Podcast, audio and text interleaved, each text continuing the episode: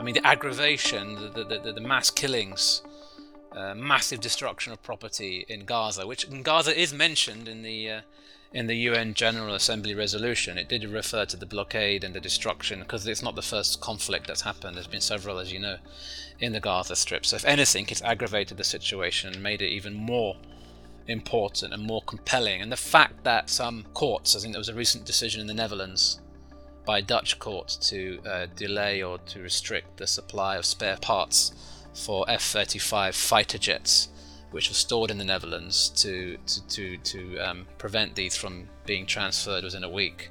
And I think similar attempts that haven't been as successful in the United States may have a bearing in the sense that it, judges will be now now be aware that, that, that what they say might have an impact. There's a different climate, there's a different there's a more people are interested and engaged, sadly.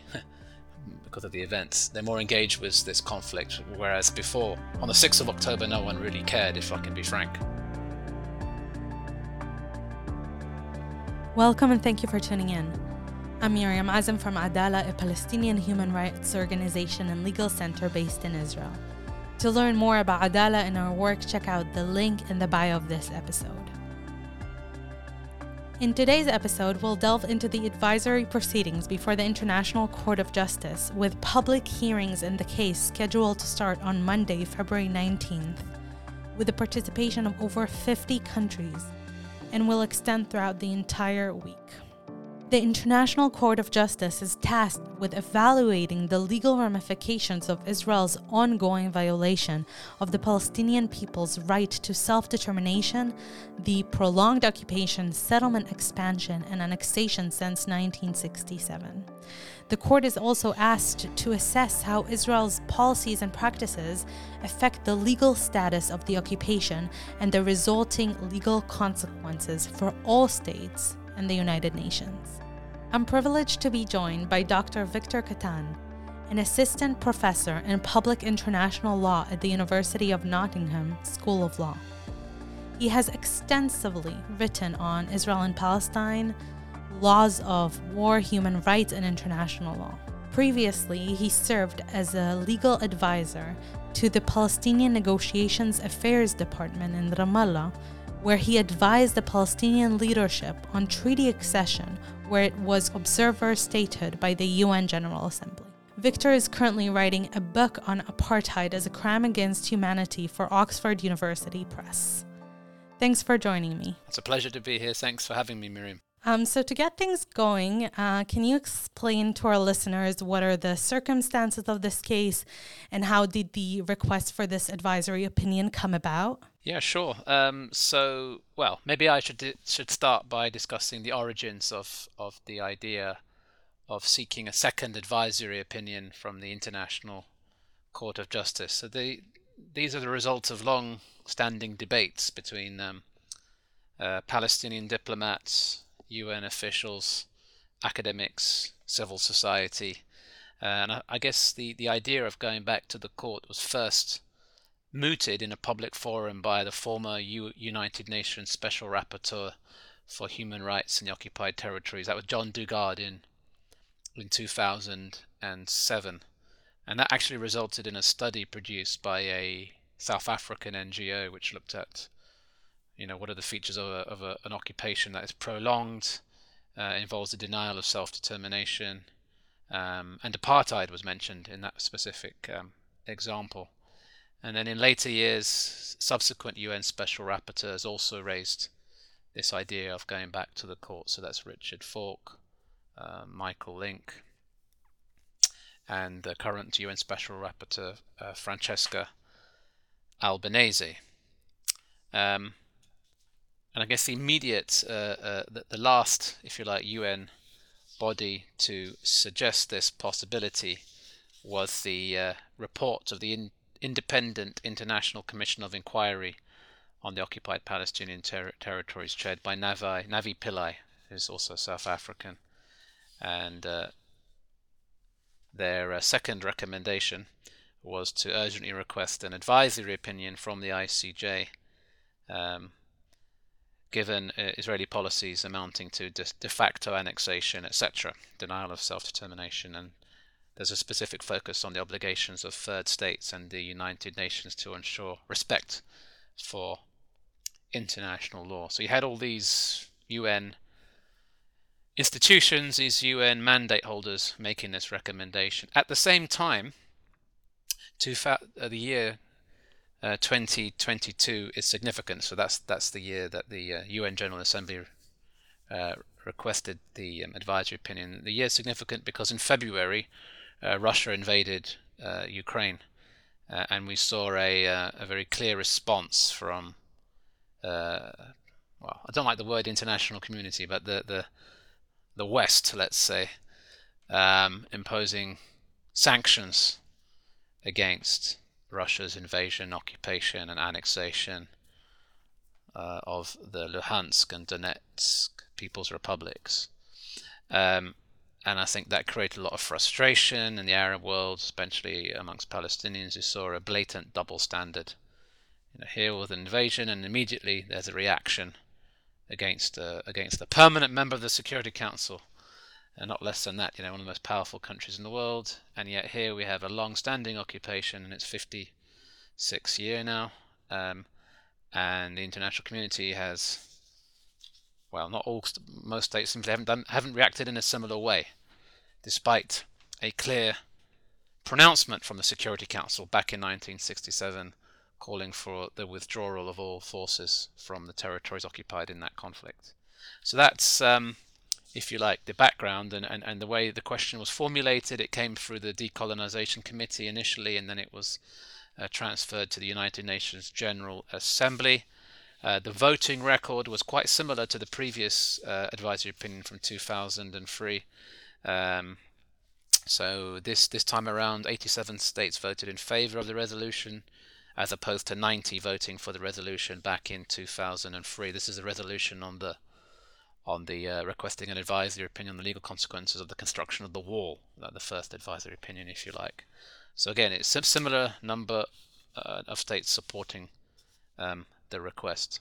Um, in terms of the questions uh, referred to the court, so it takes the form of a very long resolution adopted by the by the UN General Assembly which uh, is a very long preamble, and it, it, refers to you know basically says that all the measures that Israel's taken are, are illegal since since 1967, uh, denial of self-determination, violations of international humanitarian law.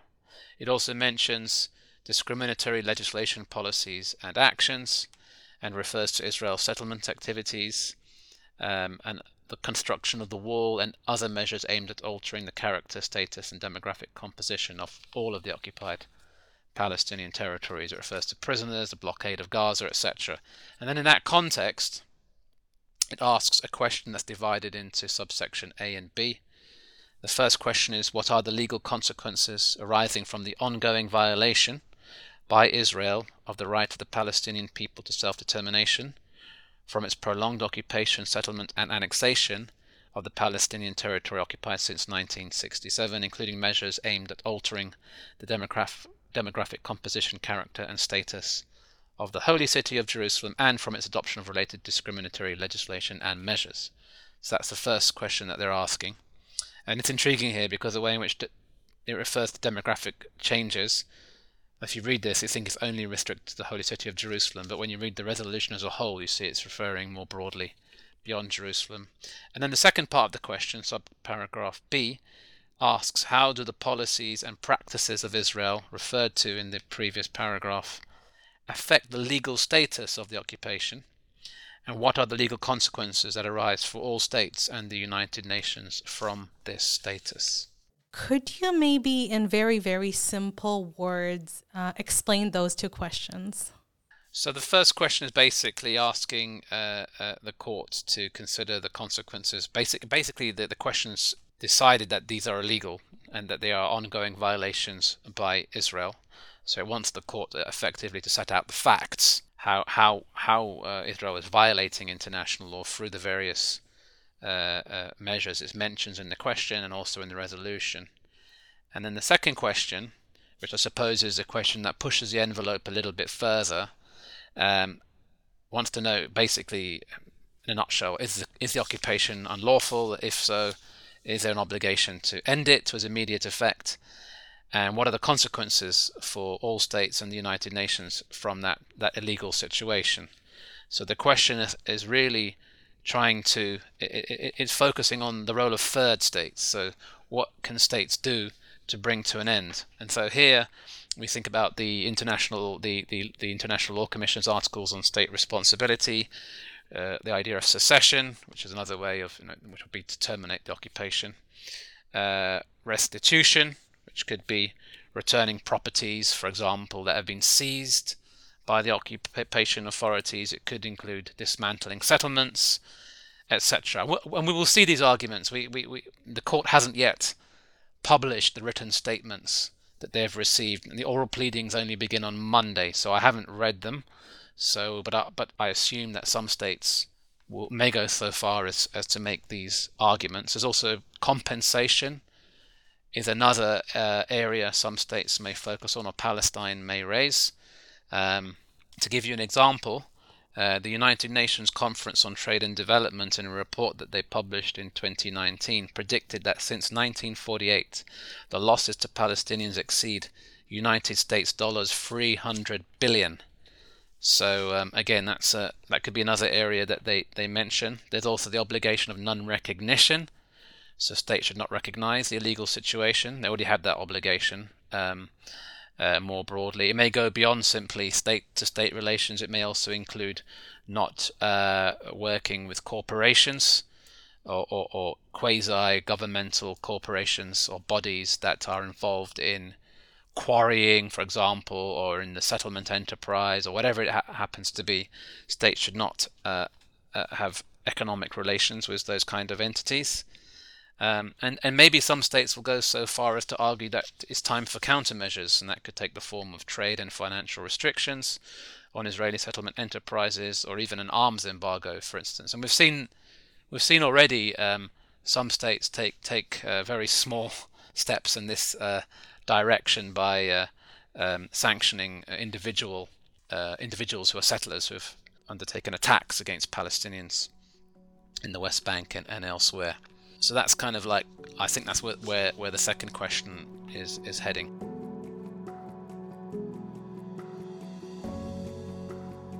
You spoke about the 2004 Wall opinion. Um, can you explain a bit the differences between the two questions and proceedings in general, um, and then also maybe the implications that were in 2004 or weren't um, of the opinion, and then what we can expect uh, here as well? So I think a lot of people don't know this, but the 2000 the question that was referred to the ICJ in 2003, which was then formed the advisory opinion in 2004, actually originated in an earlier draft question that had been proposed by the governments of Egypt and Jordan uh, in the early 1980s. And it was an identical question. So, what are the legal, uh, what are the consequences for states as a result of X, Y, Z? In 2003, it was about the construction of the wall and its associated regime. But in the original draft, it was about the settlements. So they wanted a question. This was uh, this was around the time of the Carter administration. Reagan just came to power. There'd been a series of UN Security Council resolutions uh, in the last six months of Carter's uh, presidency, uh, which had, had, had described the the construction uh, of settlements and the demographic changes in East Jerusalem as a flagrant violation of international law. And so the, Egypt and Jordan wanted to to look at what were the consequences of that. And they actually had support from the US government and the United Kingdom uh, government and even some of what they call the European community states. Unfortunately, the, the, the PLO at the time was opposed to, to, to all of this, and then they killed the idea uh, at an Arab League summit in, uh, I think, Tunis. But what's intriguing is that idea of going to the ICJ um, was revitalized in 2003. And we have to remember that was during the time of the Bush administration, the so-called Second War on Terror. Uh, you know the the uh, the second Palestinian um, Intifada, uh, the raid on the Muqata compound, um, you know, the killings across the, the, the entire country.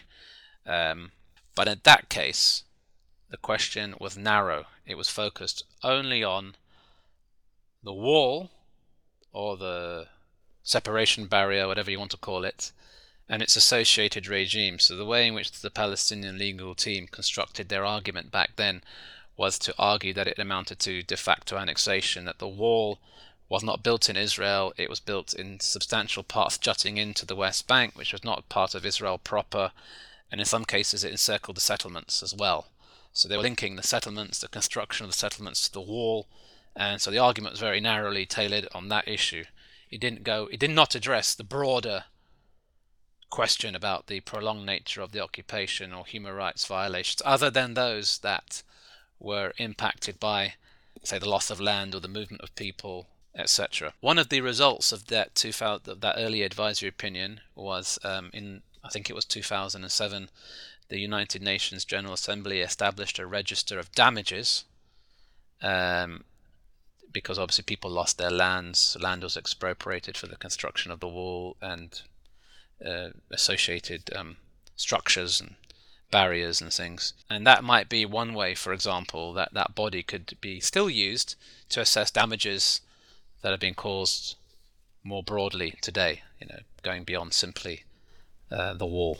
So I think the lessons learned from 2004 is is is you need to talk about the elephant in the room, which is the occupation, and not these narrow areas. And I think that's what they've they've tried to do. There's also been a slight change in the court's jurisprudence. It's opened up a little bit more as a result of uh, the decision in uh, well, not decision, sorry, another another advisory opinion in uh, in regard to continued British colonial uh, policies in the Indian Ocean in the Chagos Islands uh, and its its decision to, to, to, to, keep hold of that territory. It's given a little bit of an opening for cases where there's been a denial of self determination after 19 after the mid 1960s, um, which has also um, opened the door a bit for, for some of these broader claims.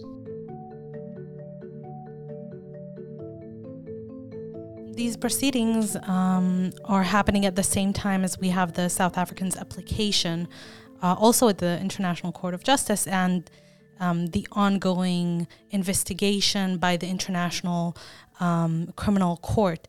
Do these have any influence, or could the uh, advisory opinion have any influence on both of these uh, proceedings? Well, with regard to International Criminal Court, that's that's a slightly it's in the same city in The Hague, but it's a different body that focuses on individual criminal responsibility. However, the broad, I mean, the broader issues, if the court does produce an advisory opinion that engages with these broader issues, it might be useful for the court, for, for the prosecutor in, in addressing, you know, the context of, of what's happening. Um, as regards the, okay, so as regards the genocide case that South Africa brought against Israel, well, the first thing I would say is this request for the General Assembly, um, the advisory opinion, goes back to the end of 2022. So, of course, this, this preceded the events of the 7th of October, um, which have changed uh, things a lot. And um, what we do know now is, of course, we, we do have a, a we kind of know where the judges uh, sit on this issue uh, because of, of the decisions that were made um, regarding the request for provisional uh, measures. Um, of course, judges may change their views, but it kind of gives you an idea, idea, an indication that the vast majority of judges are not comfortable with what is is happening, with a, with a notable um, dissent, dissenting opinion. So whether it has any bearing influence, I suppose. I mean, the aggravation, the the, the, the mass killings, uh, massive destruction of property in Gaza, which in Gaza is mentioned in the uh, in the UN General Assembly resolution, it did refer to the blockade and the destruction because it's not the first conflict that's happened. There's been several, as you know, in the Gaza Strip. So, if anything, it's aggravated the situation and made it even more important and more compelling. And the fact that states, uh, not states, sorry, some courts, I think there was a recent decision in the Netherlands by a Dutch court to uh, delay or to restrict the supply of spare parts for F 35 fighter jets which were stored in the Netherlands to to to, to um, prevent these from being transferred within a week. And I think similar attempts that haven't been as successful in the United States um, may have a bearing in the sense that it it it, it, it uh, the judges will be now now be aware that, that that what they say might have an impact. There's a different climate. There's a different. There's a more people are interested and engaged. Sadly, because of the events. They're more engaged with this conflict, whereas before, on the 6th of October, no one really cared, if I can be frank. Now everyone's engaged, and now these cases have come at this particular time. Um, it's likely to be more impactful or, or listened to. Um, and we have, of course, ongoing political discussions again um, regarding the situation in Gaza, exchange of hostages, ending the conflict, rec- potentially recognizing a Palestinian state. So um, there's a lot of movement happening. Um, it kind of reminds me of what happened back in 2003 in two, during the second Intifada when there was the U.S. the Quartet uh, roadmap for for a two-state solution. Um, but again, it was it was uh, there was movement diplomatically uh, happening around that time. In a 2022 article, um, right after the uh, resolution passed, you mentioned that um, some judges hold the nationalistic of uh, the nationalities of the states that voted against the resolution and may not be favorably inclined to answer the questions. So you already partially answer that with the the we already know now a bit yeah. where they stand. Um, but can you elaborate a bit more whether the ICJ is a politicized institution and how can that impact the proceedings? Well, judges, uh, although the, the, the, process of nominating and electing judges is, is, a political process, you're nominated by a government, right? And then the candidate uh, uh, goes to a pool in New York and they have voting for, and there's a lot of horse trading. But then they're elected for nine year terms and they're in, the, the statute makes it clear they're independent they're not paid by their governments, and they they um, they're not they're not political appointees uh, in that sense. But of course, judges are from their countries, the culture of their countries. Um, some of them are very close to their governments if they were career legal advisors. Um, but I think in this case, you know, unless they have very strong views, that they're likely to, to, to, I mean, take an independent view on the situation, as we saw uh, most recently. I mean, there's also this idea of the judges ad hoc and these judges, these so what happened? That's that's a situation where so there are 15 judges on the courts, but if um, there's a, a, dispute and between two say two states and the judges don't have then uh, there isn't a judge of the nationality of the states on the court, they can appoint judges. They don't have to be of their own nationality. They can be from from another another state's nationality. But uh, and this is what happened with the genocide case. So Israel appointed uh, Judge Barak, uh, who's Israeli, and South Africa appointed a well-known uh, Supreme Court judge. Usually, not always, but usually those those judges, judges ad hoc, always vote for the state that appointed them. Um, but in this case, again, we there, there are no judges ad hoc. Uh, it's an advisory opinion, and uh, um, we have to see what they what views they take. But I, I, my own view is that they are independent, despite the the process by which they are elected and they will apply their best knowledge and experience to answer the question at hand. And of course, it is a deliberative process. It's, it's a process that is, what, what I mean by that is a collective process. The judges, each judge has the opportunity to express their views in order of seniority.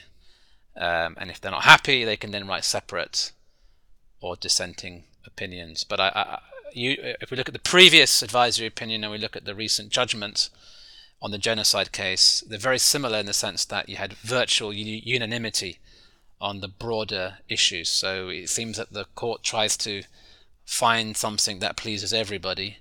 But again, we don't know. We don't know. This this case could divide views. We we have to see. In in which case, you might get a you might get more a more helpful opinion, but then less judges voting in favour of it, or you may get a, a an opinion that pleases more judges, but that doesn't say as much as perhaps uh, those that uh, drafted the question would have liked. But we have to see. Thank you so much. This was incredibly insightful, and we'll continue following this. Uh, it's an incredibly um, important uh, proceedings. But thank you. This has been uh, truly great. Thank you, Miriam. It's a pleasure to speak to you. Before we end this episode, don't forget to subscribe and rate the podcast in whatever app you're listening to. That's all until the next episode.